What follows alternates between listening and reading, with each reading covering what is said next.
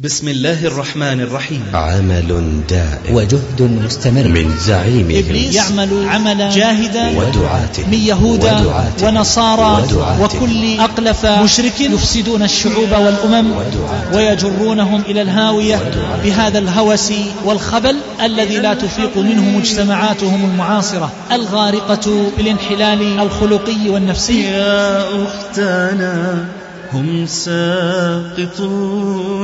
إلى الحضيض لا التراب فصارت المرأة للأسف الشديد ألعوبة. في يد مصمم الأزياء. والتجميل. حتى أركبوها المركب الصعب وعملوا على جعلها طعما للإفساد والانحلال كفى عبثا باللباس لن نتحدث عن العباءة وإنما سنتحدث عما تحت العباءة. عما تحت العباءة. شبهة. ما للدين والأزياء وملابس النساء. شبهة. ما للدين وعالم التجميل للمرأة. كفى عبثا.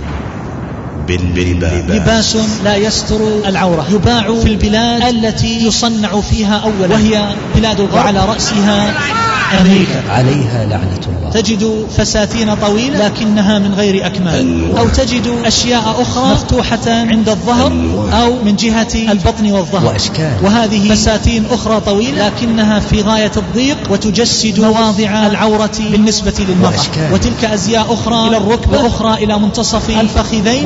وربما كانت مفتوحة أيضا من الخلف وشيء وتلك. شفافة تظهر الصدر والظهر واليدين وشيء وتلك. لها كم واحد فقط وتنانير. وتلك تنانير أيضا. يقال لها الاسترتش وتنانير. وتلك تنورة قصيرة. إلى أعلى الركبتين. يقولون لها الميني جوب وبناطيل. بناطيل جلدية لامعة تعلق بالجسد. لشدة ضيقه وبناطيل. وهناك ألوان أخرى لا تلبسها امرأة تعرف الحياء والحشمة. إنما يلبسها المرأة المترجلة. ومسترجلات. المرأة المتشبهة. ومسترجلات. سؤال منطقي لماذا تفعلينه جواب عجيب هكذا الناس يلبسون تطور مدمر صار خلع الأكمام ومن البديهي أكثر خلع الأزرار ومن البديهي أكثر. وأكثر لبس القصير جدا.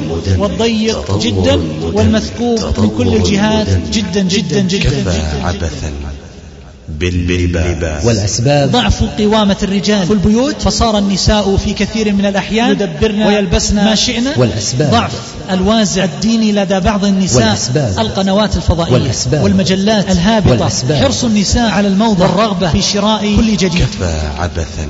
جرأة. باللباس. قيل لإحداهن لماذا ترتدين البنطال فقالت لأنه الموضة قيل لها هل تعلمين أنه حرام؟ فماذا أجابت قالت قولي والله. جرأة. تقول ذلك على سبيل السخرية. على شفا الكفر. وأخرى سئلت هذا السؤال. فقالت لي السائلة لا تقولي حرام. فقالت لها بل هو حرام. فقالت من قال؟ فقالت أفتى بذلك. فضيلة الشيخ محمد الصالح العثيمين. فقالت الحمد لله أنه ليس ابن باز. جرأة. وأخرى وجه إليها هذا السؤال. فقالت أريحي نفسك لن أقتنع. جرأة. قيل لها أما تعلمين أنه حرام؟ فقالت علمت. جرأة. فقيل لها وماذا عملت فقالت أوه يا لطيف كل شيء عندكم حرام. عبثا.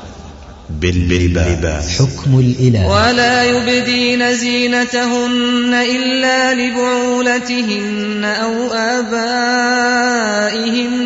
أو آباء بعولتهن أو أبنائهن أو أبناء بعولتهن. وحكم رسوله صلى الله عليه ماذا وسلم. أنزل الله من الفتن؟ ماذا أنزل من الخزائن من يوقظ صواحب الحجرات؟ كم من كاسية في الدنيا عارية في الآخرة. من تشبه بقوم فهو من لعن رسول الله صلى الله عليه وسلم المتشبهات من النساء بالرجال. وهذا قول عائشة. لم تؤمن بسورة النور رضي الله عنها. امرأة تلبس هذا. فكيف لو رأت عائشة رضي الله تعالى. عنها؟ هذه الخلاعة. باللباس. يا أختنا أنت العفيفة والمصونة بالحجاب. والحياء تاج للمرأة. فإذا ذهب الحياء فعلى العفاف فعلى العفاف السلام فإلى الله المشتكى. صدى الشموخ للإنتاج الإعلامي. تقدم كفى عبثا باللباس. لفضيلة الشيخ الدكتور خالد بن عثمان السعد أيها الإخوة حديثنا في هذه الليلة عن موضوع لباس المرأة. وقد كثر السؤال عن أحكام لباس النساء نظرا لما تفشى في أوساطهن من التبذل في اللباس لا سيما في مثل هذه المواسم في الإجازات.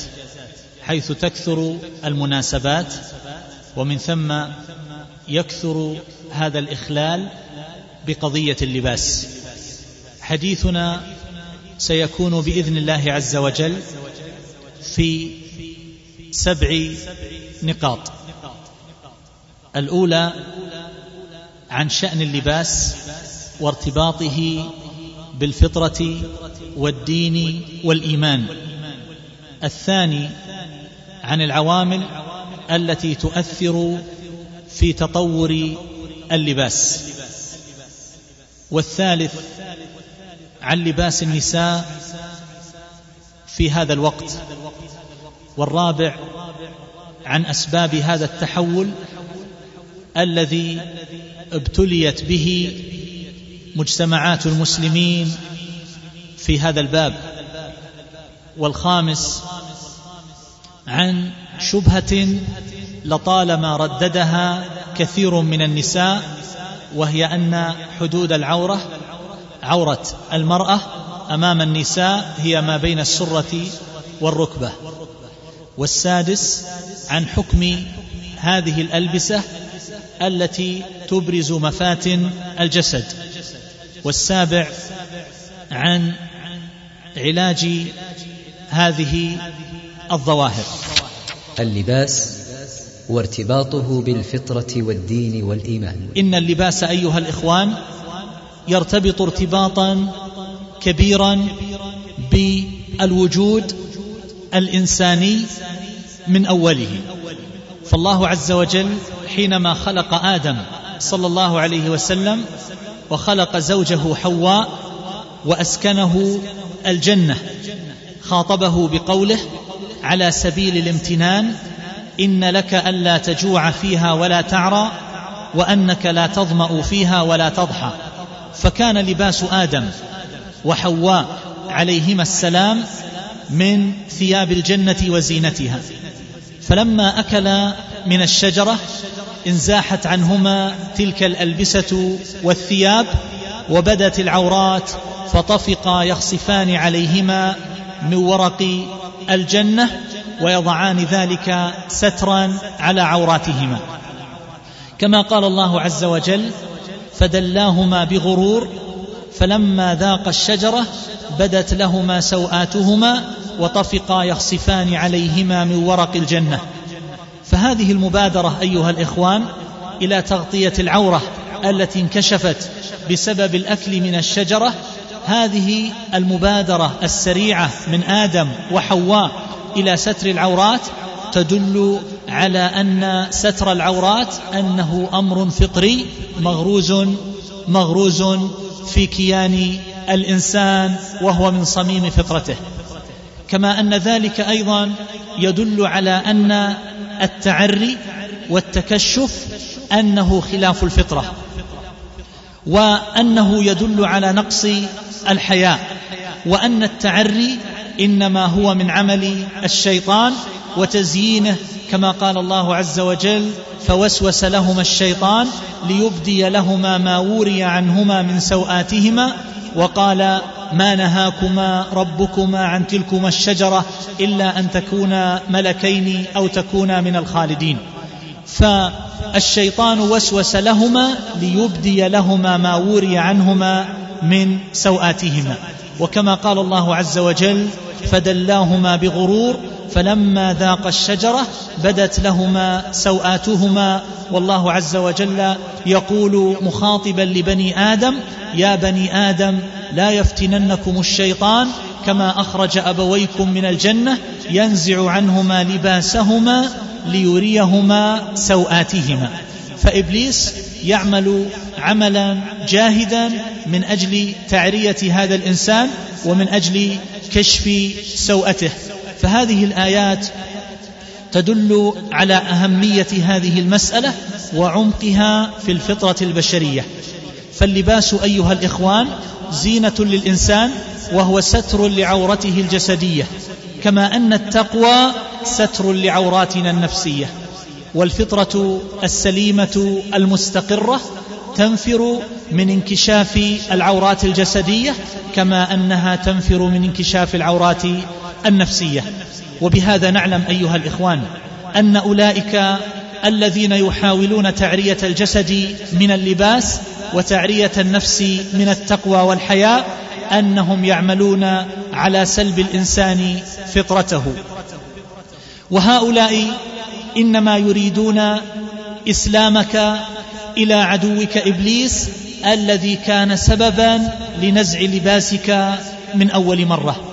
فالعري أيها الإخوان سمة حيوانية بهيمية لا يميل الإنسان إليها إلا حينما يرتكس إلى مرتبة هي أحط من مرتبة الإنسان. وإن رؤية العري جمالا انتكاس في الذوق البشري بلا مرية ودليل على تخلف التفكير. ولا زلنا نرى أيها الإخوان إلى يومنا هذا أقواما يعيشون في مجاهل الغابات في أفريقيا يعيشون كما ولدتهم أمهاتهم. وهؤلاء الأقوام لهم إخوان وصل الإسلام إليهم فكان من أوائل ما قدم الإسلام لهم أن قدم لهم قضية اللباس وستر العورات. فهؤلاء قوم جاهليون حينما يأتيهم الإسلام يقدم لهم لونا من ألوان الحضارة والرقي. ويكفي في بيان أن قضية التعري أنها من أمور الجاهلية أن الله عز وجل نهى أمهات المؤمنين عن ذلك بقوله ولا تبرجن تبرج الجاهلية الأولى. فالجاهلية الأولى التي كانت قبل مبعث النبي صلى الله عليه وسلم كانت المرأة تخرج مبدية لنحرها ويخرج شيء من شعرها. تخرج هكذا أمام الرجال. فنهى الله عز وجل أمهات المؤمنين عن هذا التكشف والتبذل فقال ولا تبرجن تبرج الجاهلية الأولى. فدل ذلك على أن التبذل في اللباس وأن كشف العورات أنه من أعمال الجاهلية وأن المرأة التي تبدي جسدها والتي تتبرج وتتكشف أن فيها من خصال الجاهلية بقدر ما فيها من التكشف والتبذل كما دلت عليه هذه الآية الكريمة. فالمرأة التي تكون متحضرة حقيقة هي المرأة التي تحتشم هي التي تتمسك بتعاليم الإسلام. على خلاف ما ينطبع في أذهان كثير من المسلمات أو من بنات المسلمين أن المرأة التي تكون محتشمة أنها امرأة متخلفة قديمة أنها امرأة بدائية والواقع عكس ذلك وذلك أن المرأة المتمدنة المتحضرة هي التي تستر العورة خلافا لما عليه كثير من أمم الغرب والشرق الكافر من ارتكاس إلى الوهدة التي انتشل الإسلام الناس منها ونقلهم إلى مستوى الحضارة بمفهومها الإسلامي الذي يستهدف بقاء الإنسان في أحسن تقويم. نقول هذا كما نقول بأن العري النفسي من التقوى والحياء نكسة حقيقية أيضا. وقد جمع الله عز وجل بين الأمرين في قوله يا بني آدم قد أنزلنا عليكم لباسا يواري سوآتكم وريشا ولباس التقوى ذلك خير ذلك من آيات الله لعلهم يذكرون. قال عبد الرحمن بن أسلم رحمه الله يتق الله فيواري عورته فذاك لباس التقوى. فهناك تلازم أيها الإخوان بين لباس العورات الجسدية وسترها وبين لباس العورات النفسية وهو التقوى. وكل واحد من الأمرين يؤثر في الآخر سلبا أو إيجابا. فإذا رزق العبد لباس التقوى واستقامت فطرته صار العري في عينه قبحا. فاكتسى جسده بما يستر العورات. ومن قلت التقوى في قلبه قل حياؤه وانتكست فطرته فصار يرى حسنا ما ليس بالحسن. وبهذا نعلم أيها الإخوان أن ستر الجسد والحياء من تعريته ليس مجرد عرف بيئي كما يحلو لدعاة الشيطان أن يسموه إنما هو دين وتقى وعفاف وشرف وحياء وفطرة وشريعة إلهية تميز الإنسان عن غيره. فإذا فقد الإنسان هذه المعاني لم يبال الله عز وجل به في أي واد هلك. ولذا نجد من خوت نفسه من التقوى والحياء وانعكست فطرته يرى الستر عيبا ونقصا وقد كان المشركون يطوفون ببيت الله الحرام عراة كما ولدتهم أمهاتهم. الرجال والنساء يفعلون ذلك على حد سواء كما قالت إحدى النساء وهي تطوف بالبيت عارية اليوم يبدو بعضه أو كله وما بدا منه فلا أحله. وكانوا يرون ذلك كمالا وزينة ولا يرون به غضاضة البتة. ولما قدم المسلمون إلى مكة وطافوا ببيت الله الحرام بلباس الإحرام امتثالا لأمر الله عز وجل في قوله يا بني آدم خذوا زينتكم عند كل مسجد. عيرهم المشركون ورأوا أن ذلك خللا قد وقعوا فيه. فهكذا تنقلب الموازين وتمسخ الفطر والنفوس والتصورات والقيم فما تفعله الجاهلية القديمة يشبه تماما ما تفعله الجاهلية الغربية بمجتمعاتها المعاصرة ومن حاكاهم وتأثر بهم من غيرهم. وهذا كله أيها الإخوان لا يخرج عن الانتكاس المقيت الذي أنقذ الإسلام الناس منه وإن ادعوا أنه رقي وحضارة وتقدم ليخدع السذج من الناس فيتوهم أن التحضر بنزع اللباس وأن المرأة المحتشمة بلباس العفاف امرأة متخلفة تقليدية. فالمسخ هو المسخ والانتكاس عن الفطرة هو الانتكاس وانقلاب الموازين هو انقلاب الموازين وإن اختلفت الأسماء والألقاب. فما فعله المشركون عند الطواف كان نتيجة لتبديل دين إبراهيم عليه الصلاة والسلام الذي تولى كبره عمرو بن لحي الخزاعي. كما أن العري المعاصر بجميع أشكاله وصوره يقف وراءه شياطين من بيوت الأزياء العالمية ومصمميها وشركات التجميل ودهاقنتها فيصدر صيحاتهم مرات في كل عام وينعق بالقطعان الهائمة العارية في أرجاء المعمورة فتطيعهم وتنقاد لهم انقيادا مزريا بغض النظر عن كون هذا اللباس أو هذا الزي الجديد لهذا الموسم أو تلك المناسبة يناسب قوام هذه المرأة أو لا يناسبه. وسواء كانت مراسم التجميل والقصات تلائمها أو لا فهي تطيع صاغرة منقادة وإلا عيرت من بقية القطعان المغلوبة على أمرها بأنها متخلفة رجعية. فتكون المرأة بهذا تابعة لأولئك المفسدين المضلين من أعداء الدين والفضيلة ودعاة العهر والرذيلة من يهود ونصارى وكل أقلف مشرك يفسدون الشعوب والأمم ويجرونهم إلى الهاوية بهذا الهوس والخبل الذي لا تفيق منه مجتمعاتهم المعاصرة.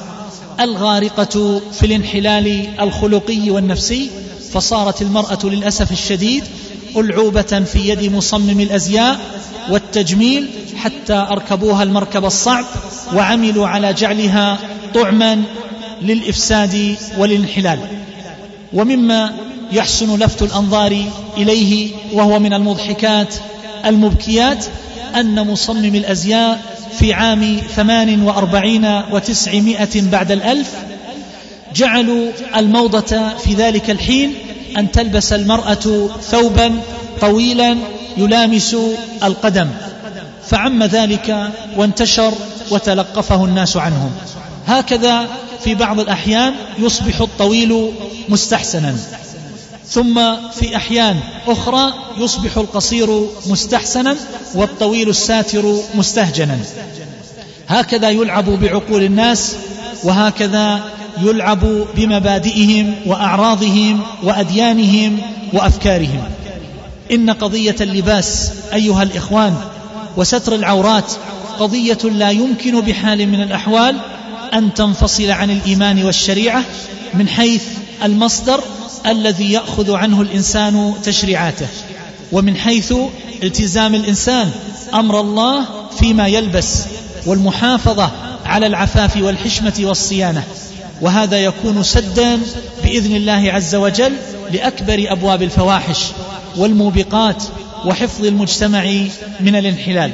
فهل يعي ذلك من يغالط من الرجال والنساء ويقول ما للدين والأزياء وملابس النساء ما للدين وعالم التجميل للمرأة؟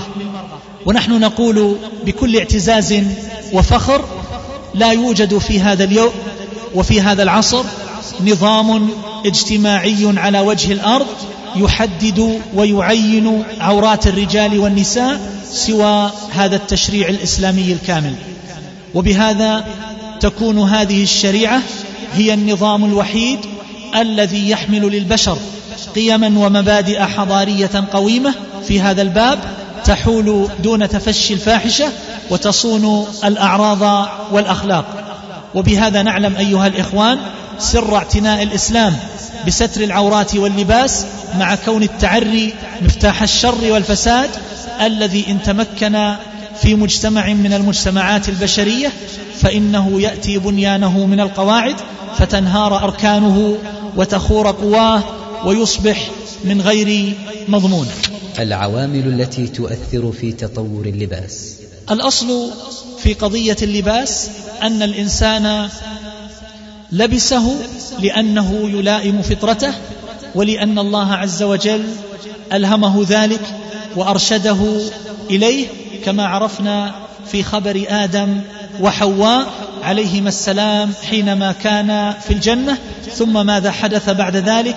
بعد انكشاف السوآت والعورات بعد الأكل من الشجرة. ثم إذا نظرنا إلى حاجة الإنسان وإن لم يكن له دين يدين به ما حاجته إلى هذا اللباس نجد أن الحاجة الأساسية هي أن يواري هذا الجسد فيستر جسده من حر الشمس ومن برد الهواء. وهذا الأمر من حيث هو يمكن أن يتحقق بأن يضع الإنسان على جسده قطعة من القماش فتحصل, فتحصل هذه المواراة. هذا من حيث الدواعي الأساسية لموضوع لموضوع اللباس كما قال الله عز وجل وسرابيل تقيكم الحر أي والبرد ولكن لا ننكر أن ثمة عوامل أخرى تؤثر في هيئة اللباس وصورته في المجتمعات البشرية مما يضفي عليه صبغة خاصة تميز ذلك المجتمع عن غيره. هذه المؤثرات كثيرة فمنها الظروف المناخية مثلا.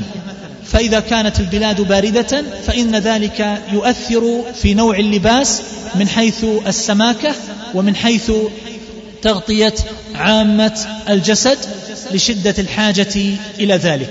ومن هذه الأمور المؤثرة ما تحمله الأمة من أخلاق وعقائد ومبادئ وأفكار تؤثر فيما يلبسه أفرادها. ومن الأمور التي تؤثر في اللباس أيضا الذوق الفطري الذي يتفاوت الناس فيه ومن ثم تتباين مقاييس الاختيار من مجتمع لآخر. وهذا شيء نشاهده في مجتمعات المسلمين وغيرهم. فالناس تختلف أذواقهم مما يؤثر في ألوان اللباس التي يلبسونها وفي أشكالها كما أن الذوق الفطري يؤثر في أثاث الإنسان ومسكنه وما إلى ذلك من مقتنياته. وأيضا من الأمور التي تؤثر في اللباس أسلوب المعيشة الذي يتفاوت من مجتمع لآخر وهكذا الظروف الاقتصادية. فالغنى يؤثر في نوع اللباس الذي يلبسه الناس من نفاسة وجودة وهكذا يؤثر الفقر في ذلك. فالألبسة التي كان يلبسها مثلا الرجال أو النساء في بلدنا هذا قبل خمسين سنة ليست كالألبسة التي نلبسها اليوم. وذلك أن ما يفتح الله عز وجل للناس من بركات وخيرات يؤثر ذلك في نوع ما يلبسون من حيث الجودة والنفاسة آه، وكذلك من حيث الشكل والجمال والحسن. فهذه أمور لا شك أنها تؤثر فيه. وهكذا ما تمتلكه الأمة من رصيد حضاري يميزها عن غيرها من سائر الأمم ويجعل لها زيا متلائما مع معايير حضارتها. وهكذا التقاليد الشعبية أو ما يسمى بالموروثات القومية التي يتوارثها كل جيل عن الجيل الذي قبله فإنها تؤثر أيضا في ألوان لباسهم.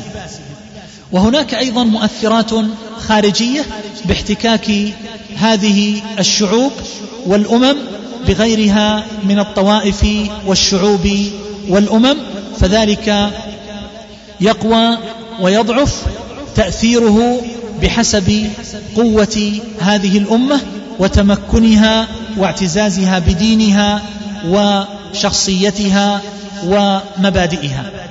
وبهذا نعلم أيها الإخوان أن قضية اللباس لا تعني بالنسبة للناس أنها مجرد قطعة من القماش يستر بها الإنسان سوءته أو يحفظ جسده من المؤثرات الجوية بل إنه يحمل جذورا متأصلة في أعماق كل أمة ويعبر عن حضارتها ومدنيتها وقيمها وأخلاقها وتقاليدها وسائر شؤونها الاجتماعية فهو في واقع الأمر مظهر لتلك الروح التي تعمل عملها في جسد تلك الأمة وهو لسانها الذي تنطق به خلفيتها الحضارية ويعرف الدنيا على شخصيتها الاجتماعية. فالتحول الذي يحصل بسبب هذه المؤثرات مجتمعة أو متفرقة قد يكون التحول الواقع محمودا. وقد يكون هذا التحول مذموما. فإذا كان التحول الذي يقع للأمة يضفي عليها شيئا من الأناقة والحسن والجمال فهذا أمر لا اعتراض عليه. إذا كان في حدود ما حده الشرع بحيث يحفظ للناس الحشمة والعفاف والستر وتصان الأعراض والعورات. وكذلك يبقى لهذه الأمة كيان واستقلال عن غيرها من الأمم فتتميز عن غيرها. أما التحول الذي يكون مذموما فهو الانصهار بكل أشكاله وصوره ومعانيه في الأمم الأخرى التي تختلف معنا في الدين والعقيدة والمبدأ والخلق وتختلف معنا أيضا في الخلفية الحضارية. فهذا التحول إذا وجد في مجتمع من المجتمعات فإنه ينذر بآثار وخيمة ونتائج عكسية تكون الأمة فيها منحدرة في دركات الانحطاط وترتمي في أحضان غيرها من الأمم فتذوب في شخصيتها وتستجدي لها اللباس من غيرها. وذلك أن الدين واللغة والزي من أهم الدعائم التي تتميز بها الأمة وتنفرد عن غيرها. فإذا انهار ذلك فإن ذلك يؤذن بانهيار الأمة واضمحلالها حتى تنقرض وتصبح تدريجيا أثرا بعد عين وتنضم إلى قومية أمة أخرى. ولذا نقول إن الأمة التي تختار زي غيرها وطريقتها في المعيشة تكون بذلك معلنة لما تعانيه من مركب النقص والشعور بالضحالة والإفلاس والذل لأنها لا تستند إلى شيء تعتز به وأن أسلافها لم يتركوا لها شيئا تحتفظ به وتعلن نسبتها إليه بكل فخر واعتزاز. فهي تنظر إلى ماضيها وحاضرها بعين النقص الذي يورثها الخجل حتى إنها لا تملك شيئا تستطيع أن تبدع به لنفسها زيا وأسلوبا يميزها في المعيشة. فيحملها ذلك على استمداد كل شيء من غيرها لتبدو للعالم أنها متحضرة مهذبة وهذا يكون بمثابة الإعلان بأن الحضارة والمدنية والتهذيب والجمال إنما هو في حياة تلك الأمم التي قلدتها فجعلت أنماط حياتها مقياسا لكل كمال ورقي وهذا لا يقع إلا من أمة قد فقدت عزتها وكرامتها ونخوتها وشهامتها وهذا يقع تارة بسبب أن الأمة لا تملك رصيدا حضاريا. وإذا كان الأمر بهذه المثابة فهو شيء معقول.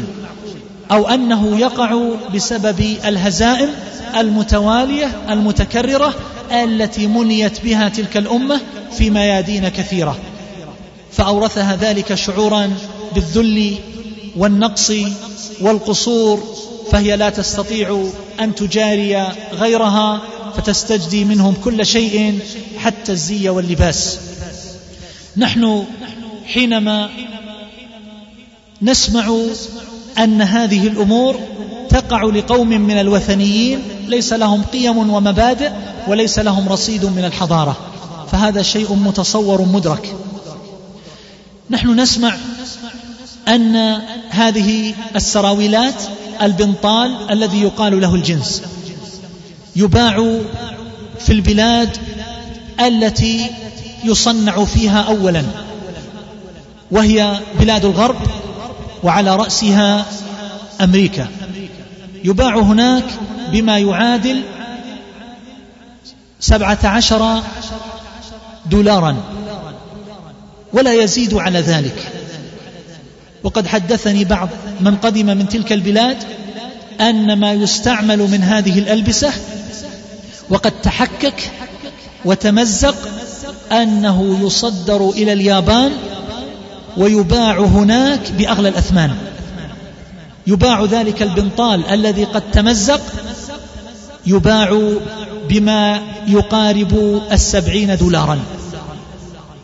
كل ذلك لشدة إعجابهم بأولئك الأقوام الذين يستوردون منهم تالف اللباس. وقد حدثني بعض الإخوان الذين عاشوا في تلك البلاد أن من أشهر الدعايات وأكثرها رواجا بين اليابانيين ومن كان على شاكلتهم هي عمليات التجميل للأنف. بحيث إنهم يشعرون أن أنوفهم تمثل عقدة تحول بينهم وبين التشبه الكامل بأولئك الغربيين. فهم قد صبغوا شعورهم ولبسوا العدسات الزرقاء ولبسوا ثيابهم التالفة وتكلموا بلغتهم وما بقي عليهم إلا أن يغيروا من أجسادهم حتى يطابقوهم مطابقة تامة. حينما أسمع هذا الكلام لا أستغربه من أمة مفلسة. ليس لها دين ولا قيم ولا حضارة.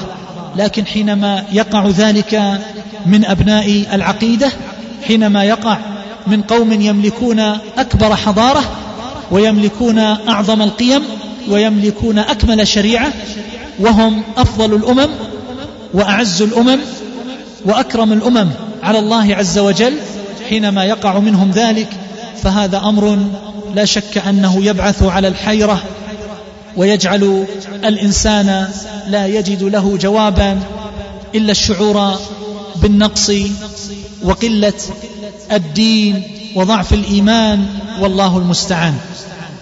هكذا أصبحنا أيها الإخوان أو أصبح كثير من أبناء المسلمين يتصور أن التقدم وأن الأخذ بأسباب القوة المادية أنه بلبس قبعة وبتغيير لون العينين بلبس عدسات زرقاء وكذلك بأن يلبس بنطالا من الجنس ثم يلبس آه، بلوزة أو فنيلة قد كتب عليها عبارات لربما لم يعرف قراءتها ولم يفهم معناها. ثم بعد ذلك يسمع تلك الموسيقى الغربية. هكذا وصل الانحدار والانحطاط عند كثير من أبناء المسلمين فظنوا أن التقدم والرقي والحضارة إنما يكون بذلك. والواقع أن من وصل به الفهم إلى هذا المستوى المتدني فإنه قد مني بحماقة تعي من يداويها. لباس النساء في هذا الوقت. حينما يتجول الإنسان في الأسواق التي تبيع الأزياء التي تلبسها النساء. لا يكاد يجد لباسا ساترا ضافيا يمكن أن يوصف بأنه من اللباس المحتشم. بل إن عامة اللباس لباس لا يستر العورة لأنه يشف عنها أو يكشفها تماما أو لأنه يجسدها. وإذا سألت هؤلاء الباعة فإنهم سرعان ما يبتدرونك بالإجابة وهي أن هذا هو الذي يطلبه الناس اليوم. لا تكاد تجد في هذه الأسواق إلا ألبسة لا تليق بالمرأة المسلمة. تجد فساتين طويلة لكنها من غير أكمام. أو تجد أشياء أخرى مفتوحة عند الظهر أو من جهة البطن والظهر. وهذه فساتين أخرى طويلة لكنها في غاية الضيق وتجسد مواضع العورة بالنسبة للمرأة. حتى إن المرأة لا تستطيع المشي فيها إلا بصعوبة. وتلك أزياء طويلة لكنها مفتوحة من الجانبين. وتلك أزياء أخرى إلى الركبة وأخرى إلى منتصف الفخذين ولربما كانت مفتوحة أيضا من الخلف. وتلك طويلة لكنها مفتوحة عند البطن مع الظهر. وتلك شفافة تظهر الصدر والظهر واليدين وتلك لها كم واحد فقط وتلك لها خيوط رفيعة تحملها وقد تعرت المناكب وما تحتها. وتلك قصيرة من غير أكمام وإنما عليها قطعة شفافة من القماش يقولون لها الشال. وذلك لباس قد استورد من عباد البقر والفئران من أمم وثنية هم من أحط الأمم على وجه الأرض من ناحية من ناحية الاعتقاد. ذلك اللباس الذي يسمونه بالزي الهندي. قطعة من القماش تلفها المرأة لفا على جسدها ثم يتكشف ما بين ذلك. وتلك تنورة قصيرة إلى أعلى الركبتين يقولون لها الميني جوب. وتلك أخرى من الملابس يقال لها التيشيرت وهي قميص مغلق الجوانب يكتب عليه بعض العبارات السيئة أو يكون محتويا على بعض الصور للساقطين والساقطات. وتلك البلايز أو الفنايل التي تغطي فقط نصف البطن.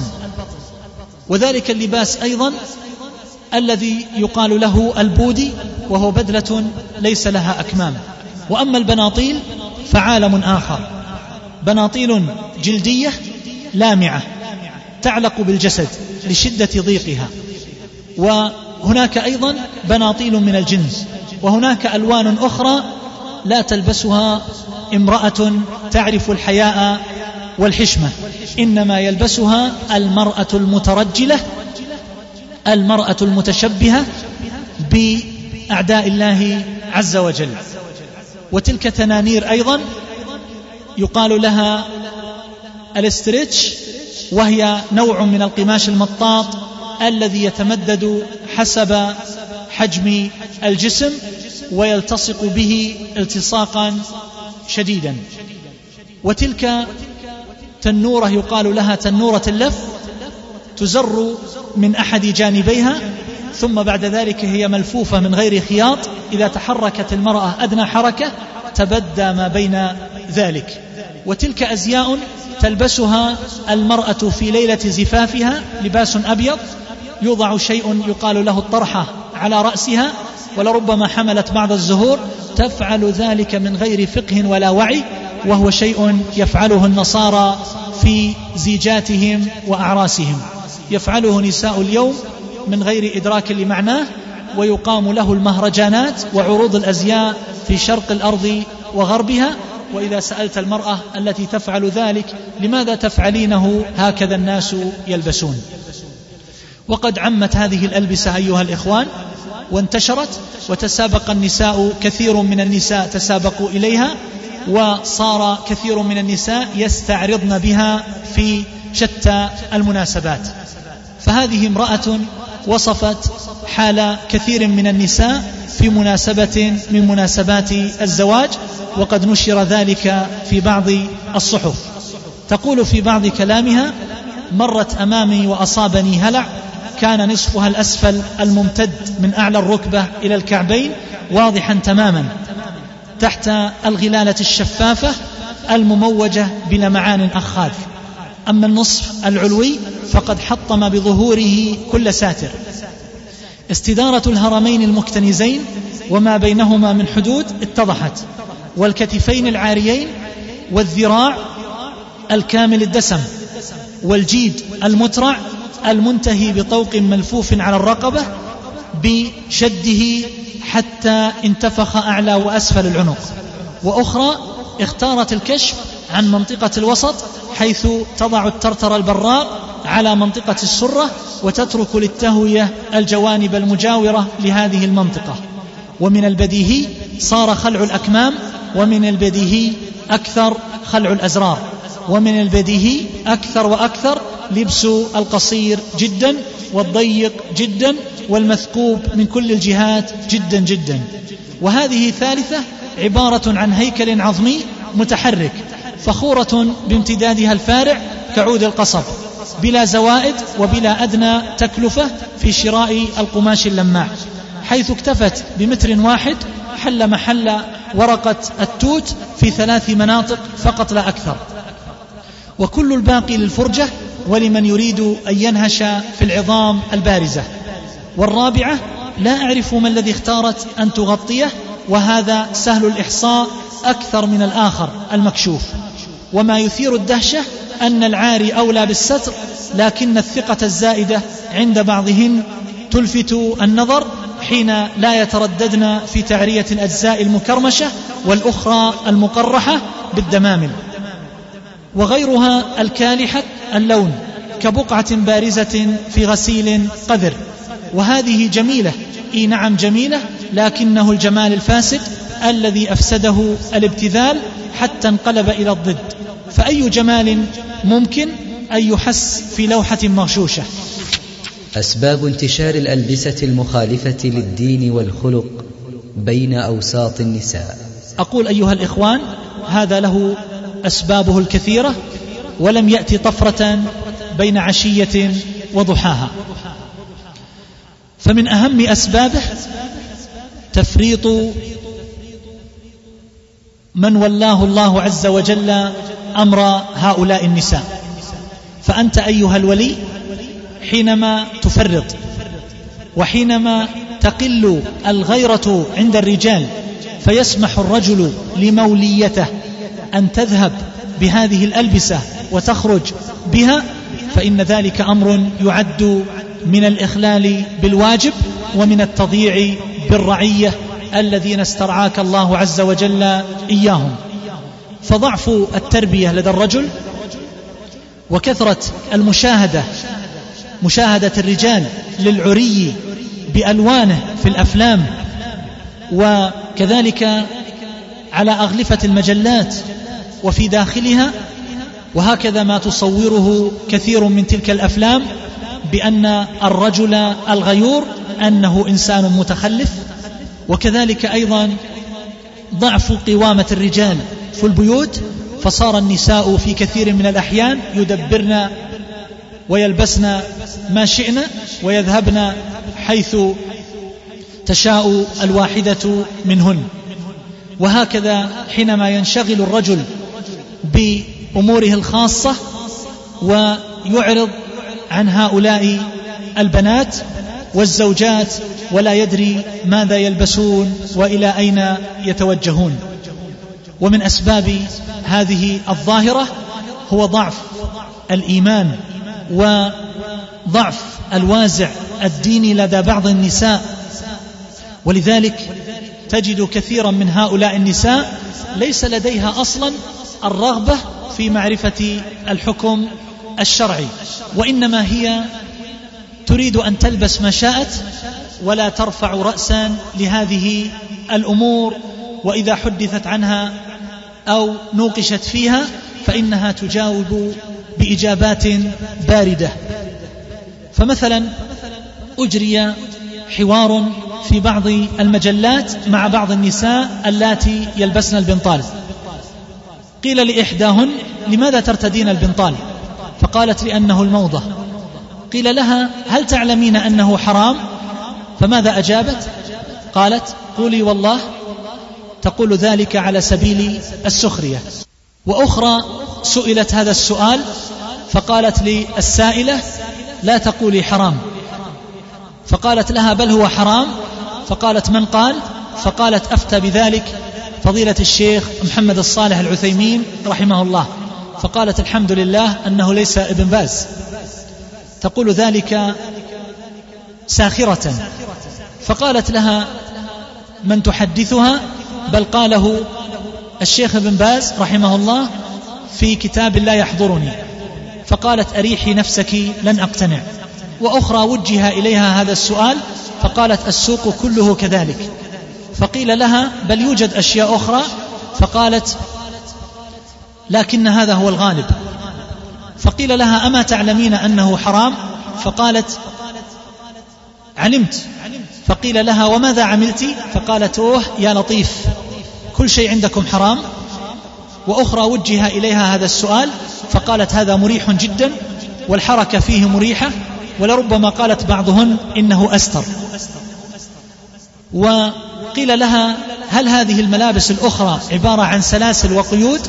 فقالت سريعا على وجه المغاضبة؟ ماذا تريدين بالضبط؟ فقيل لها علمت أنه حرام. قالت حرام عليكم. إذن. وإلى آخر ما في هذا الحوار الذي يبين حال كثير من النساء من عدم الجدية في معرفة الحكم الشرعي.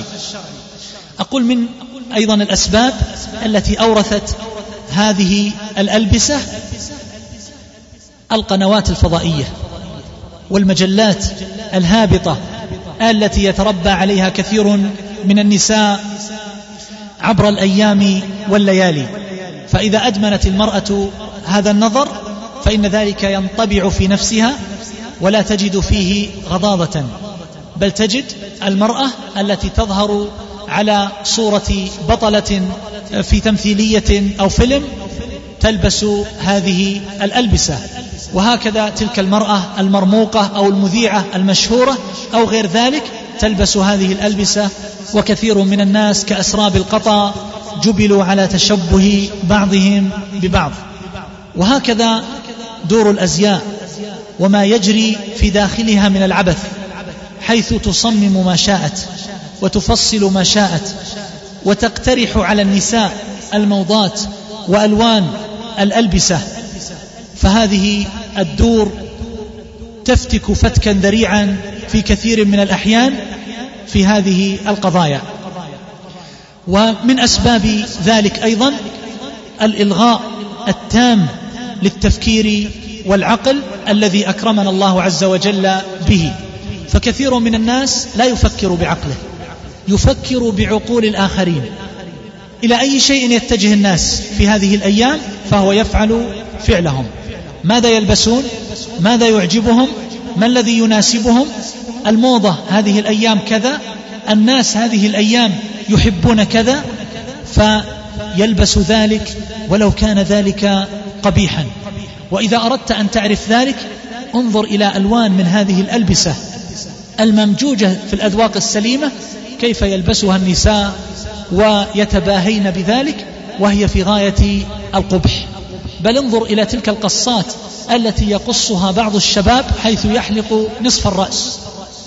ويبقي النصف الآخر لأنه رأى ذلك اللاعب المشهور في كأس العالم الذي قد سجل رقما كبيرا من الأهداف قد حلق شعره ولم يبقي إلا ناصيته. فقام هذا الشاب المسكين فحلق شعره وفعل فعله من غير تفكير ولا تروي. فأقول كثير من الناس يقعون فيما لا يليق في أمور اللباس وفي غيرها من الأمور كل ذلك بسبب التفكير بعقول الآخرين. ومن ذلك أيضا حرص النساء على الموضة والرغبة في شراء كل جديد. ومن ذلك أيضا الأسفار حيث ترى المرأة ويرى وليها تلك النساء الكاسيات العاريات في المطارات وفي الشوارع والفنادق والأسواق في بلاد لا يعرفون الحياء ولا يعرفون الدين ولا يعرفون الخلق والأعراض والحشمة والعفاف. ومن الأسباب أيضا أن هذه الألبسة لربما كانت سائدة في الأسواق.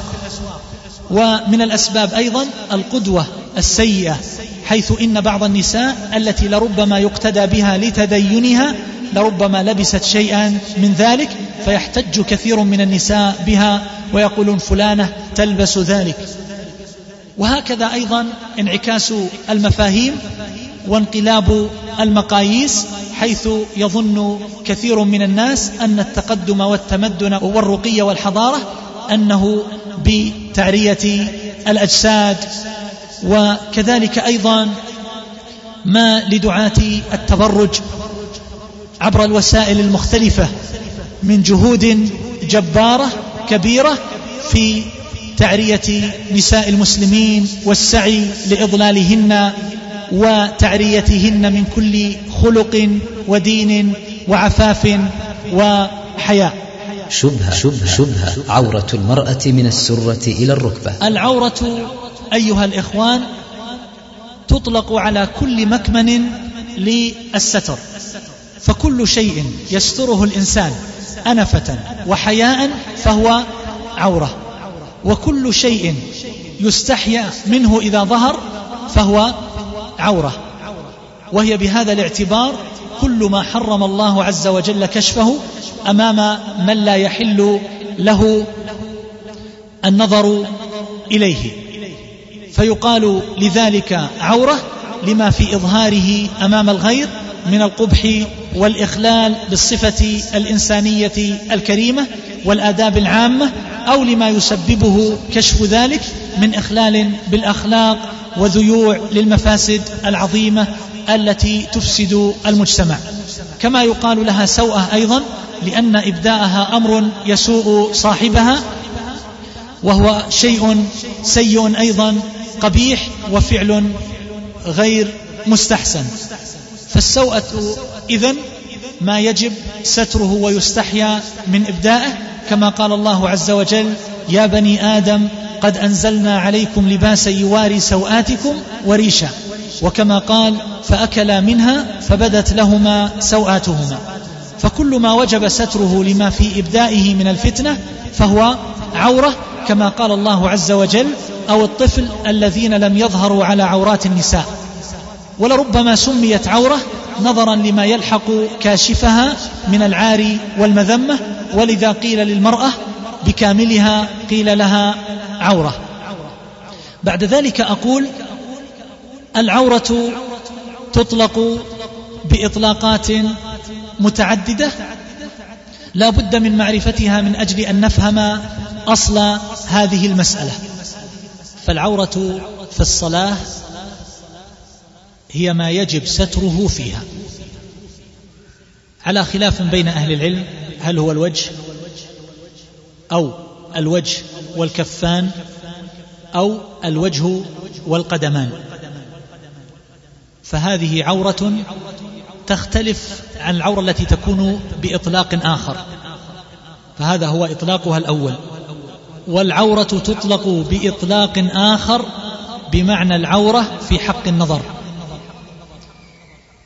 سواء كان الناظر أجنبيا أو محرما أو كان من النساء فهي ما يحرم إظهاره كما يحرم النظر إليه. فالعورة عورة المرأة أمام الرجال الأجانب المرأة جميعا عورة. فهذا يختلف عن العورة في الصلاة. والعورة أمام المحارم سيأتي الكلام عليها والعورة أمام النساء سيأتي الكلام عليها. الإطلاق الثالث للعورة هو أنها تطلق على كل شيء يستره الإنسان أنفة وحياء. بعد هذا أقول ما هي عورة المرأة أمام المحارم؟ عورة المرأة أمام المحارم هو أن المرأة جميعا عورة أمام محارمها من أب وأخ وعم وخال.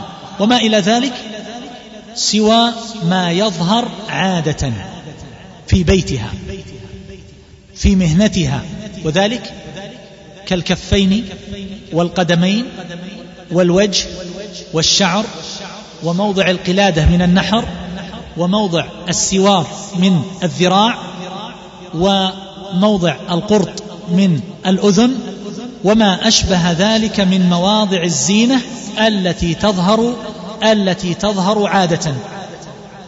دون ما يستر عادة كالفخذ والبطن والظهر والصدر وما إلى وما إلى ذلك. وهذا قال به كثير من أهل العلم. هو قول الحنفية وهو وجه في مذهب الشافعية ورجح بعضهم أنه الصحيح من مذهب الحنابلة. وبه قال الإمام مالك رحمه الله فقد صرح بأنه لا ينظر من محارمه إلى معصم ولا ساق ولا جسد. وكره الإمام أحمد أن ينظر الرجل إلى الساق والصدر من امرأة أبيه وأمه وأخته. وبمثل ذلك قال ابن قدامة رحمه الله صاحب المغني. وكان من كلامه وليس له النظر إلى ما يستتر غالبا كالصدر والظهر ونحوهما. وغير هؤلاء كثير وأمامي كثير من النصوص التي صرح بها العلماء بما ذكرت. ومن أوضح الأدلة الدالة على هذا القول هو قول الله عز وجل ولا يبدين زينتهن إلا لبعولتهن أو آبائهن أو آباء بعولتهن ووجه الاستدلال بهذه الآية أن الله عز وجل استثنى هؤلاء في النظر إلى الزينة وهي نوعان زينة ظاهرة وهي الثياب وباطنة وهي هذه المواضع من الجسد التي تظهر عادة كما قال ابن مسعود رضي الله تعالى عنه الزينة زينتان فالظاهرة منه الثياب وما خفي الخلخالان والقرطان والسواران وما إلى ذلك. ثم أيضا معلوم أن الناس في بيوتهم يختلطون ويدخل هؤلاء المحارم في أوقات مختلفة فيصعب التحرز من ذلك ولهذا كان من يسر هذه الشريعة ومن رحمة الله عز وجل أنه رخص للمرأة المسلمة أن تبدي هذه المواضع لمحارمها ولم يشدد عليها في ذلك. بل إن بعض العلماء أيها الإخوان قالوا أكثر من هذا وأذكره على سبيل المبالغة. حيث قال بعضهم لا يرون منها إلا الوجه والكفين دون سائر الجسد. وهذا قال به أئمة كبار من السلف وهو قول لبعض الأئمة. بل منع بعض السلف أن تبدي المرأة شعرها لولدها. بل إن بعضهم قال لا يبدو منها إلا الوجه والكفان. فعلى كل حال الأقرب أنه يبدو منها ما يظهر عادة في بيتها وهو ما ذكرته. وأما عورة المرأة أمام المرأة فالراجح أنها كعورتها أمام المحارم فيجب عليها أن تلبس أمام النساء وأمام المحارم لباسا تنطبق عليه شروط اللباس الشرعي. وهي معروفة. وذلك أن يكون ساترا بأن يغطي المواضع التي يجب تغطيتها. ولا يظهر إلا ما يظهر عادة. فهذا اللباس يجب ألا يشف. وضابط ذلك ألا يظهر من تحته لون الجسد. وكذلك يجب ألا يصف بأن يكون ضيقا يصف حجم أعضاء المرأة وكذلك أيضا يجب أن يكون هذا اللباس من لباس النساء لا يكون من لبس الرجال وكذلك لا تتشبه به بالكافرات وغير ذلك من الشروط المعروفة وقد جاء المنذر ابن الزبير من العراق فأرسل إلى أسماء بنت أبي بكر رضي الله تعالى عنها بعدما كف بصرها بكسوة من ثياب من مرو. ثياب مروية نسبة إلى بلد مرو. وهي ثياب رقيقة فلمستها بيدها ثم قالت أف ردوا عليه كسوته. قال فشق ذلك عليه وقال يا أمة إنه لا يشف. قالت إن لم يشف فهو يصف. إن لم يشف فهو يصف. وكذلك ما جاء عن أسامة بن زيد رضي الله عنه قال كساني رسول الله صلى الله عليه وسلم قبطية كثيفة مما أهداها له دحية الكلبي فكسوتها امرأتي. فقال ما لك لم تلبس القبطية؟ قلت كسوتها امرأتي. قال فمرها تجعل تحتها غلالة. فإني أخاف أن تصف حجم عظامها. فعلى كل حال يجب أن تتوفر هذه الأمور في اللباس من أجل أن يكون مباحا.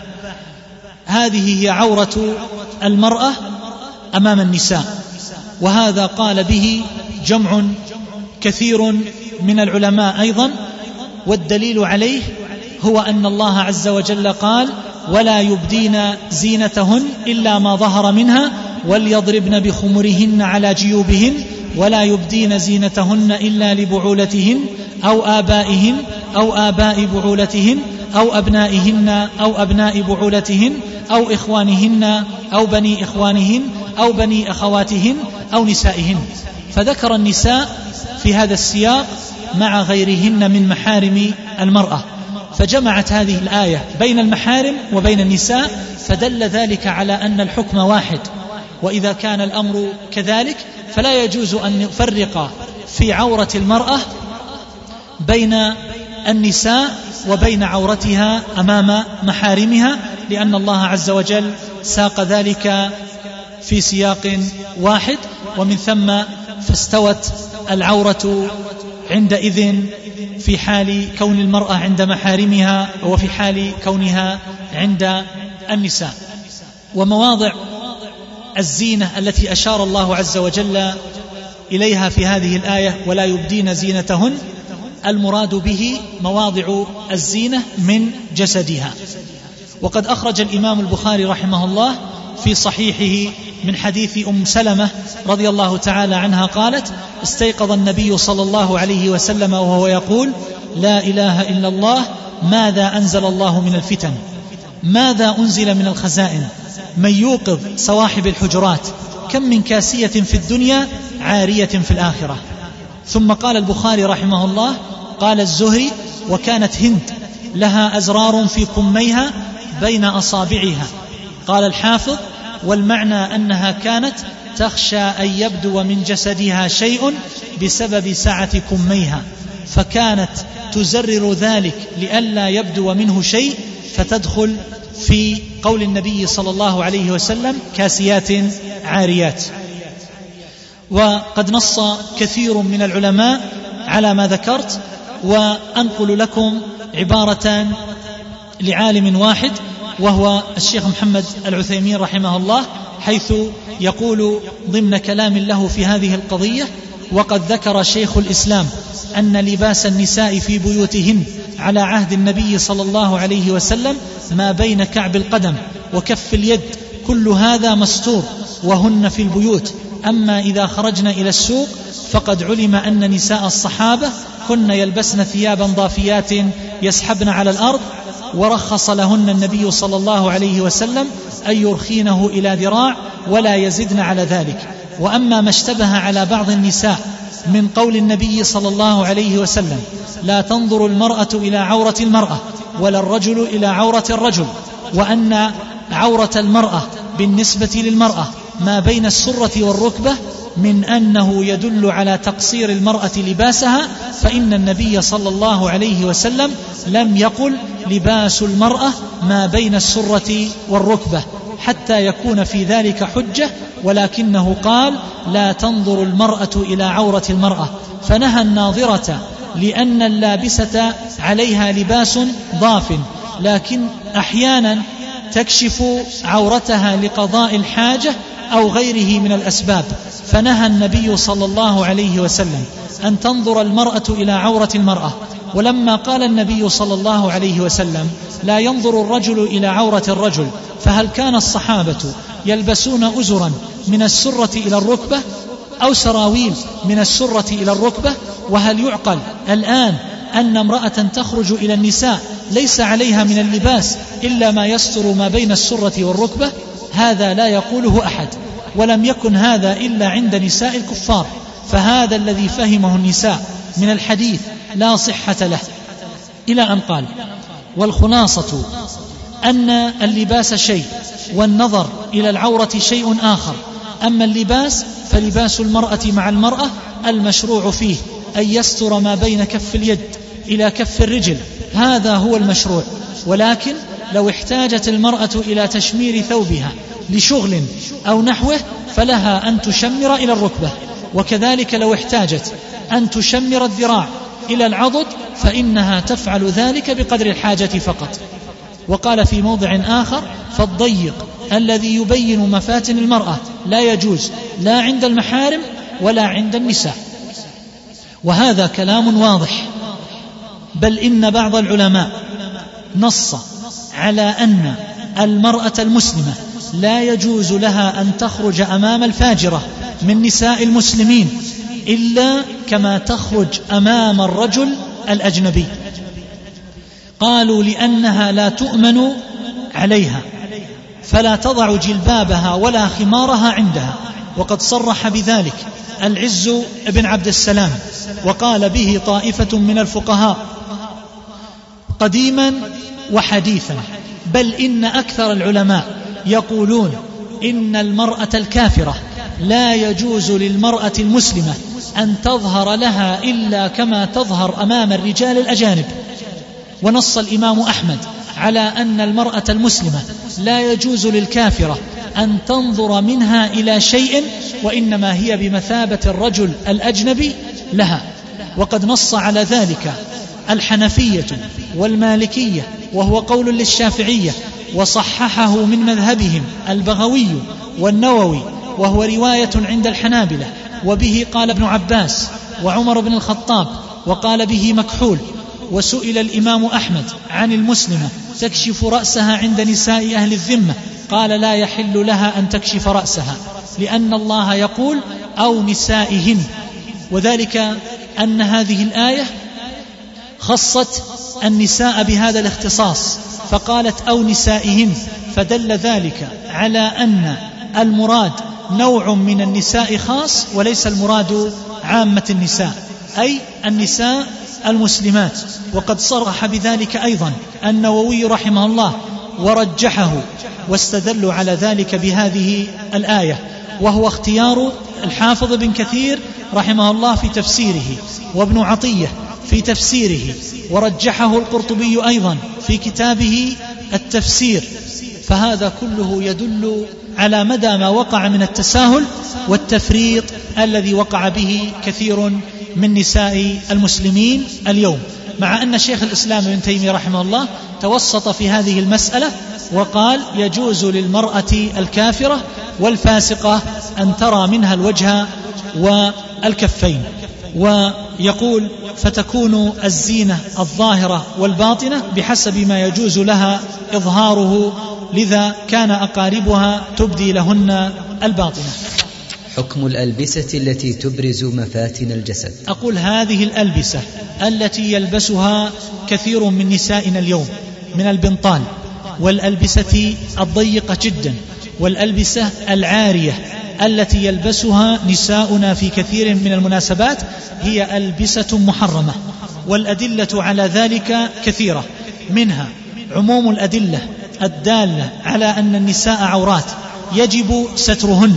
ومن ذلك ما أخرجه الترمذي وابن خزيمة وابن حبان من حديث عبد الله بن مسعود رضي الله عنه أن النبي صلى الله عليه وسلم قال المرأة عورة فدل ذلك على أن الأصل في المرأة أنها عورة فلا يستثنى إلا ما دل الدليل عليه. وقد دل عمل الصحابة رضي الله تعالى عنهم على أن المرأة تظهر للمرأة ما يظهر منها غالبا كالوجه واليدين والقدمين والشعر والجيد ونحو ذلك.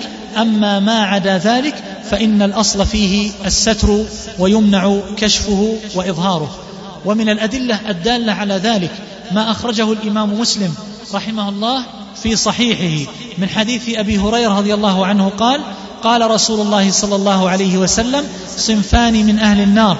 لم أرهما بعد وذكر من هذين الصنفين نساء كاسيات عاريات مائلات مميلات على رؤوسهن أمثال أسنمة البخت المائلة. لا يرين الجنة ولا يجدن ريحها. ومن لبست هذه الألبسة صدق عليها أنها كاسية عارية. والنبي صلى الله عليه وسلم لم يحدد أنها تلبس هذه الألبسة أمام النساء أو أنها تلبس ذلك أمام المحارم أو أنها تلبس ذلك أمام الرجال الأجانب. والأصل بقاء العام على عمومه إلا لمخصص. والأصل بقاء المطلق على إطلاقه إلا لدليل يدل على تقييده. وقد ذكر أبو هريرة رضي الله تعالى عنه رقة الثياب للنساء فقال الكاسيات العاريات الناعمات الشقيات. وقال عمر رضي الله عنه ما يمنع المرأة المسلمة إذا كانت لها حاجة أن تخرج في أطمارها أو أطمار جارتها مستخفية لا يعلم بها أحد حتى ترجع إلى بيتها. ومن الأدلة الدالة على تحريم هذه الألبسة أن عامتها من ثياب الكفار ومن أزيائهم. فإذا لبستها المرأة تكون قد تشبهت بالكافرات والتشبه بالكفار فيما كان من خصائصهم الدينية أو ما كان من خصائصهم العادية. لا يشترط فيه قصد الفاعل. وإنما يكفي فيه الموافقة في الظاهر فقط كما صرح بذلك شيخ الإسلام ابن تيمية رحمه الله في كتابه اقتضاء الصراط المستقيم. وقد أخرج البخاري رحمه الله في صحيحه من حديث عبد الله بن عمرو بن العاص رضي الله تعالى عنه أن رسول الله صلى الله عليه وسلم قال له وقد رأى عليه ثياب الكفار إن هذه من ثياب الكفار فلا تلبسها. وأخرج البخاري من حديث عمر بن الخطاب رضي الله تعالى عنه أنه أرسل إلى المسلمين في خراسان إياكم والتنعم وزي أهل الشرك. وأخرج الإمام أحمد وأبو داود من حديث عبد الله بن عمر رضي الله تعالى عنهما أن النبي صلى الله عليه وسلم قال من تشبه بقوم فهو منهم. من تشبه بقوم فهو فهو منهم. ومن الأدلة على ذلك أيضا أن كثيرا من هذه الأزياء لا سيما البنطال فيه تشبه بالرجال وقد ورد الوعيد الشديد على من فعل ذلك كما أخرج البخاري في صحيحه من حديث ابن عباس رضي الله تعالى عنهما قال لعن رسول الله صلى الله عليه وسلم المتشبهات من النساء بالرجال والمتشبهين من الرجال بالنساء وأخرج الإمام أحمد وأبو داود من حديث أبي هريرة رضي الله عنه أن النبي صلى الله عليه وسلم لعن الرجل يلبس لبس المرأة والمرأة تلبس لبس الرجل. وأخرج أبو داود من حديث عائشة رضي الله عنها أنها قالت لعن رسول الله صلى الله عليه وسلم الرجلة من النساء. كما أخرج الإمام أحمد من حديث عبد الله بن عمرو بن العاص أنه رأى امرأة متقلدة قوسا وهي تمشي مشية الرجل فقال من هذه؟ فقيل هذه فلانة. قال سمعت رسول الله صلى الله عليه وسلم يقول ليس منا من تشبه بالرجال من النساء. الحديث. يقول شيخ الإسلام ابن تيمية رحمه الله بأن ليس مقصود الشارع مجرد حجب النساء وسترهن دون الفرق بينهن وبين الرجال بل الفرق أيضا مقصود حتى لو قدر أن الصنفين اشتركوا فيما يستر ويحجب بحيث يشتبه لباس الصنفين. لا نهوا عن ذلك ولهذا جاءت صيغة النهي بلفظ التشبه بقوله لعن الله المتشبهات من النساء بالرجال والمتشبهين من الرجال بالنساء إلى آخر ما ذكر. ومن الأدلة على تحريم ذلك أن هذه الأزياء مخالفة لهدي نساء المسلمين فإن الأصل في نساء المسلمين الستر والصيانة والحشمة وهذه الألبسة فيها من منافاة الحياء والحشمة ما فيها فهي ألبسة فاضحة لا يرضى بها المؤمن الذي يغار على نسائه فبهذا تكون ممنوعة وقد دخل نسوة من بني تميم على عائشة رضي الله عنها عليهن ثياب الرقاق فقالت إن كنتن مؤمنات فليس هذا بلباس المؤمنات وإن كنتن غير مؤمنات فتمتعن به.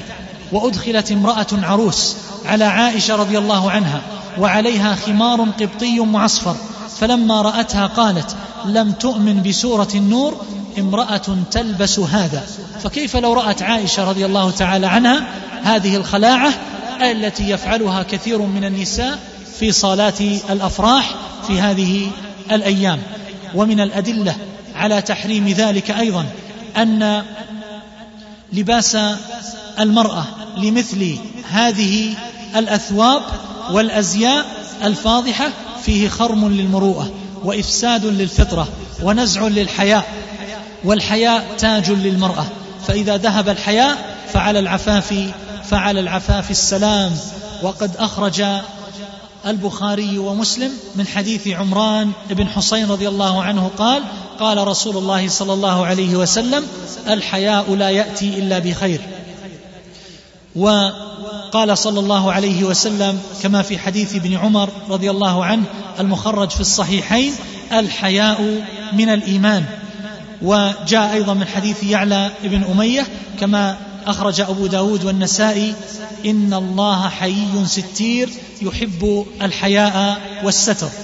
ومما يدل على أن ذلك لا يجوز أيضا أن لبس المرأة لهذه الأزياء يؤدي إلى التبذل وترك الحجاب بكامله. وهذا شيء مشاهد أن النساء اللاتي اعتدنا على التزيي بهذه الأزياء أنهن من أكثر النساء تساهلا بالحجاب وتبذلا عند خروجهن فإلى الله المشتكى.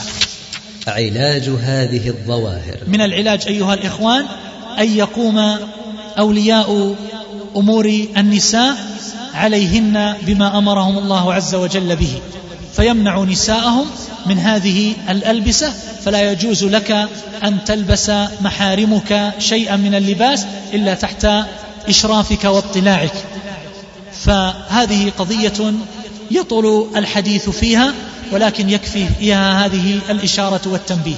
ومن ذلك أيضا أنه يجب على من بسط الله عز وجل يده أن يقوم على دور الأزياء والمشاغل فيكون هناك رقابة على هذه الدور وما تفصل للنساء وما تعرض عليهن في تلك الكتالوجات التي تستورد تلك الألبسة من قوم لا يؤمنون بالله ولا باليوم الآخر ثم يلبسها نساؤنا بعد ذلك. فهذا مسخ لهوية المجتمع والشعب. فكيف نرضى بذلك أيها الإخوان مع أنه مسخ للدين؟ ومن ذلك أيضا التربية الإيمانية وغرس الحياة في الجيل من الصغر. فالبنت يجب أن تلبس الألبسة المحتشمة الساترة منذ نعومة أظفارها. فلا نلبسها القصير ونقول صغيرة ولا نلبسها ما يسمى بالحفر الألبسة العارية ونقول هذه بعد صغيرة. فإنها تنشأ على ذلك وينشأ ناشئ الفتيان فينا على ما كان عوده أبوه. فعودوا البنات على الحشمة والستر من الصغر ينشأن على ذلك. وهكذا الذكور من الأبناء. ينبغي أن نربيه على الغيرة من الصغر. فإذا رأى أخته قد لبست لباسا لا يليق نصحها وتكلم وقال ما تخرجين بهذا؟ هذا لبس لا يحسن ولا يجمل ولا يليق. أما أن نربي الأولاد على ضعف الغيرة وعلى الخنوع. فيرى أخته منذ أن نشأ ويرى أمه تخرج بهذه الألبسة فكيف ينكر بعد ذلك على زوجته وعلى بناته؟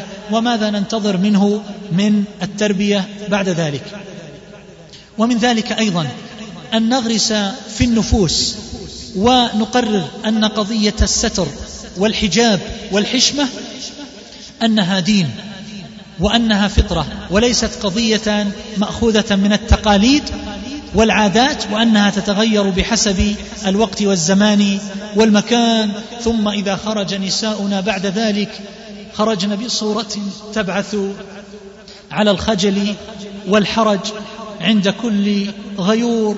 فتلقي جلبابها وتخرج مبدية لمفاتنها وكأنها ليست امرأة تدين بدين يحرم عليها ذلك.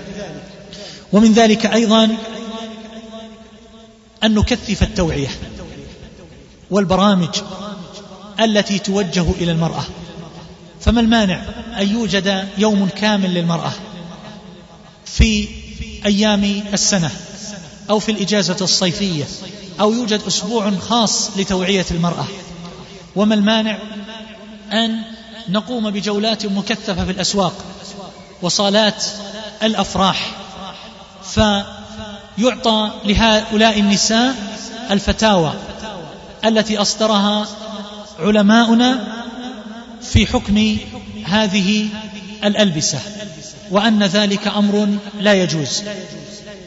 وكذلك تفقيه النساء عبر الدروس والمحاضرات والإذاعة وما أشبه ذلك ببيان هذه القضايا فلا يترك النساء بين جهل وبين هوى فإن ذلك يؤدي إلى عواقب وخيمة. والوقت قد انقضى وبين يدي أكثر من عشرين فتوى لعدد من العلماء في تحريم هذه الألبسة. ومن ذلك بيان من اللجنة الدائمة للبحوث العلمية يصرح بتحريم هذه الملابس على النساء. وقد تعمدت في هذا الدرس أيها الإخوان أن أصرح بأسماء كثير من العلماء وأن أذكر فيه أدلة مع أن مثل هذه المناسبات قد لا يحسن فيها ذلك لأنها تخاطب العامة والخاصة لكني أعرف أن كثيرا من النساء تردد وتحتج أن المسألة خلافية أو أن عورة المرأة أمام النساء من السرة إلى الركبة فأردت أن أضع صورة المسألة أمام الجميع وأبين الحكم فيها بما لا يدع مجالا لهؤلاء المجادلين من النساء هداهن الله عز وجل. وبعد ذلك أسأل الله عز وجل أن يلهمنا وإياكم رشدنا وأن يقينا شر أنفسنا وأن يرزقنا وإياكم التقى. فتوى فتوى فتوى بيان في لباس المرأة عند محارمها ونسائها. صادر من اللجنة الدائمة للبحوث العلمية والإفتاء. الحمد لله رب العالمين.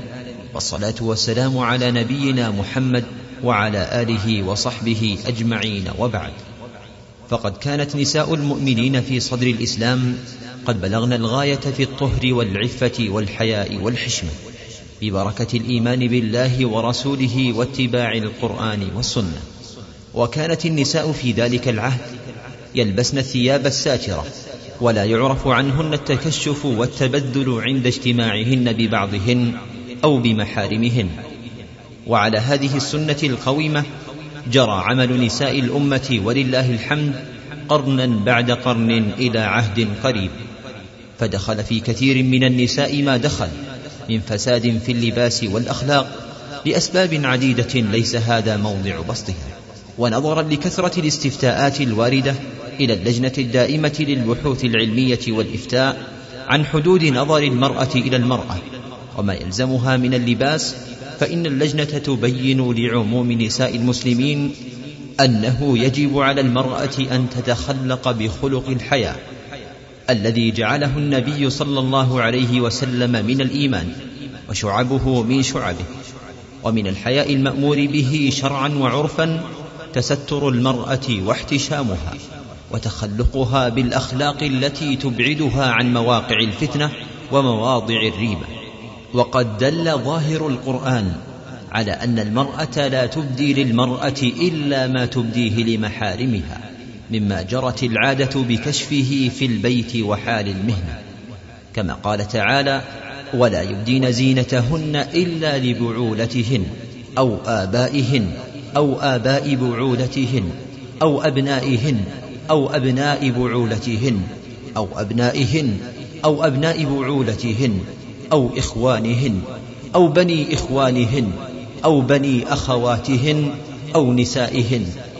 الآية وإذا كان هذا هو نص القرآن وهو ما دلت عليه السنة فإنه هو الذي جرى عليه عمل نساء الرسول صلى الله عليه وسلم ونساء الصحابة ومن اتبعهن بإحسان من نساء الأمة إلى عصرنا هذا.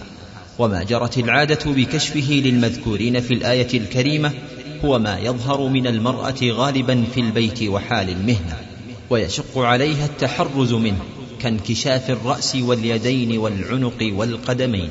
وأما التوسع في التكشف فعلاوة على أنه لم يدل على جوازه دليل من كتاب أو سنة هو أيضا طريق لفتنة المرأة والافتتان بها من بنات جنسها وهذا موجود بينهن. وفيه أيضا قدوة سيئة لغيرهن من النساء كما أن في ذلك تشبها بالكافرات والبغايا الماجنات في لباسهن. وقد ثبت عن النبي صلى الله عليه وسلم أنه قال من تشبه بقوم فهو منهم أخرجه الإمام أحمد وأبو داود. وفي صحيح مسلم عن عبد الله بن عمرو أن النبي صلى الله عليه وسلم رأى عليه ثوبين معصفرين فقال إن هذه من ثياب الكفار فلا تلبسها. وفي صحيح مسلم أيضا أن النبي صلى الله عليه وسلم قال صنفان من أهل النار لم أرهما قوم معهم سياط كأذناب البقر يضربون بها الناس ونساء كاسيات عاريات مائلات مميلات رؤوسهن كأسنمة البخت المائلة. لا يدخلن الجنة ولا يجدن ريحها وإن ريحها ليوجد من مسيرة كذا وكذا. ومعنى كاسيات عاريات هو أن تكتسي المرأة ما لا يسترها فهي كاسية وهي في الحقيقة عارية مثل من تلبس الثوب الرقيق الذي يشف بشرتها أو الثوب الضيق الذي يبدي تقاطع جسمها أو الثوب القصير الذي لا يستر بعض أعضائها. فالمتعين على نساء المسلمين التزام الهدي الذي كان عليه أمهات المؤمنين ونساء الصحابة رضي الله عنهن ومن اتبعهن بإحسان من نساء هذه الأمة والحرص على التستر والاحتشام. فذلك أبعد عن أسباب الفتنة وصيانة للنفس عما تثيره دواعي الهوى الموقع في الفواحش. كما يجب على نساء المسلمين الحذر من الوقوع فيما حرمه الله ورسوله من الألبسة التي فيها تشبه بالكافرات والعاهرات طاعة لله ورسوله ورجاء لثواب الله وخوفا من عقابه. كما يجب على كل مسلم أن يتقي الله في من تحت ولايته من النساء فلا يتركهن يلبسن ما حرمه الله ورسوله من الألبسة الخالعة والكاشفة والفاتنة وليعلم أنه راع ومسؤول عن رعيته يوم القيامة. نسأل الله أن يصلح أحوال المسلمين وأن يهدينا جميعا سواء السبيل. إنه سميع قريب مجيب. وصلى الله وسلم وبارك على نبينا محمد وعلى آله وصحبه. اللجنة الدائمة للبحوث العلمية والإفتاء. يا أختنا هم مسابقة الشريط. أخي الكريم حرصا منا على زيادة الفائدة فقد رأينا طرح بعض الأسئلة الخاصة بهذه المادة وذلك من باب تثبيت العلم.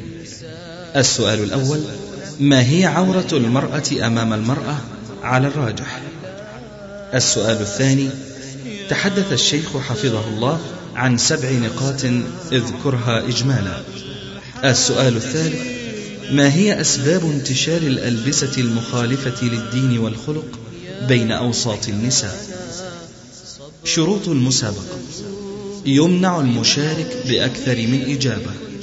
الشرط الثاني لا بد من كتابة الاسم ورقم الهاتف. الشرط الثالث آخر موعد لاستلام الإجابات هو الأول من رجب لعام 1424 للهجرة تنبيه تنبيه. لا يشترط شراء الشريط. ترسل الإجابات على صندوق بريد رقم 19 الرمز البريدي 81 ثمانية ثمانية ثمانية عنيزة. تم هذا العمل باستوديو الرباط. الإخراج الفني والهندسة الصوتية طارق جابر. وتقبلوا تحيات إخوانكم في مؤسسة صدى الشموخ للإنتاج الإعلامي والتوزيع بعنيزة. هاتف رقم صفر ستة فاصل ثلاثة ستة ثلاثة خمسة أربعة أربعة صفر وفاكس رقم صفر ستة فاصل ثلاثة ستة ثلاثة خمسة أربعة أربعة واحد. صندوق بريد رقم تسعة عشر الرمز البريدي ثمانية واحد ثمانية ثمانية ثمانية. والسلام عليكم ورحمة الله وبركاته. يا أختنا هم ساقطون إلى الحضيض لا التراب يا أختنا هم سافلون بغيهم مثل الكلاب. يا أختنا هذا عواء الحاقدين من الذئاب. يا أختنا صبرا تذوب ببحره كل الصعاب. يا أختنا أنت العفيفة والمصونة بالحجاب. يا أختنا فيك العزيمة والنزاهة والثواب. والجنة المأوى ويا حسن المآب.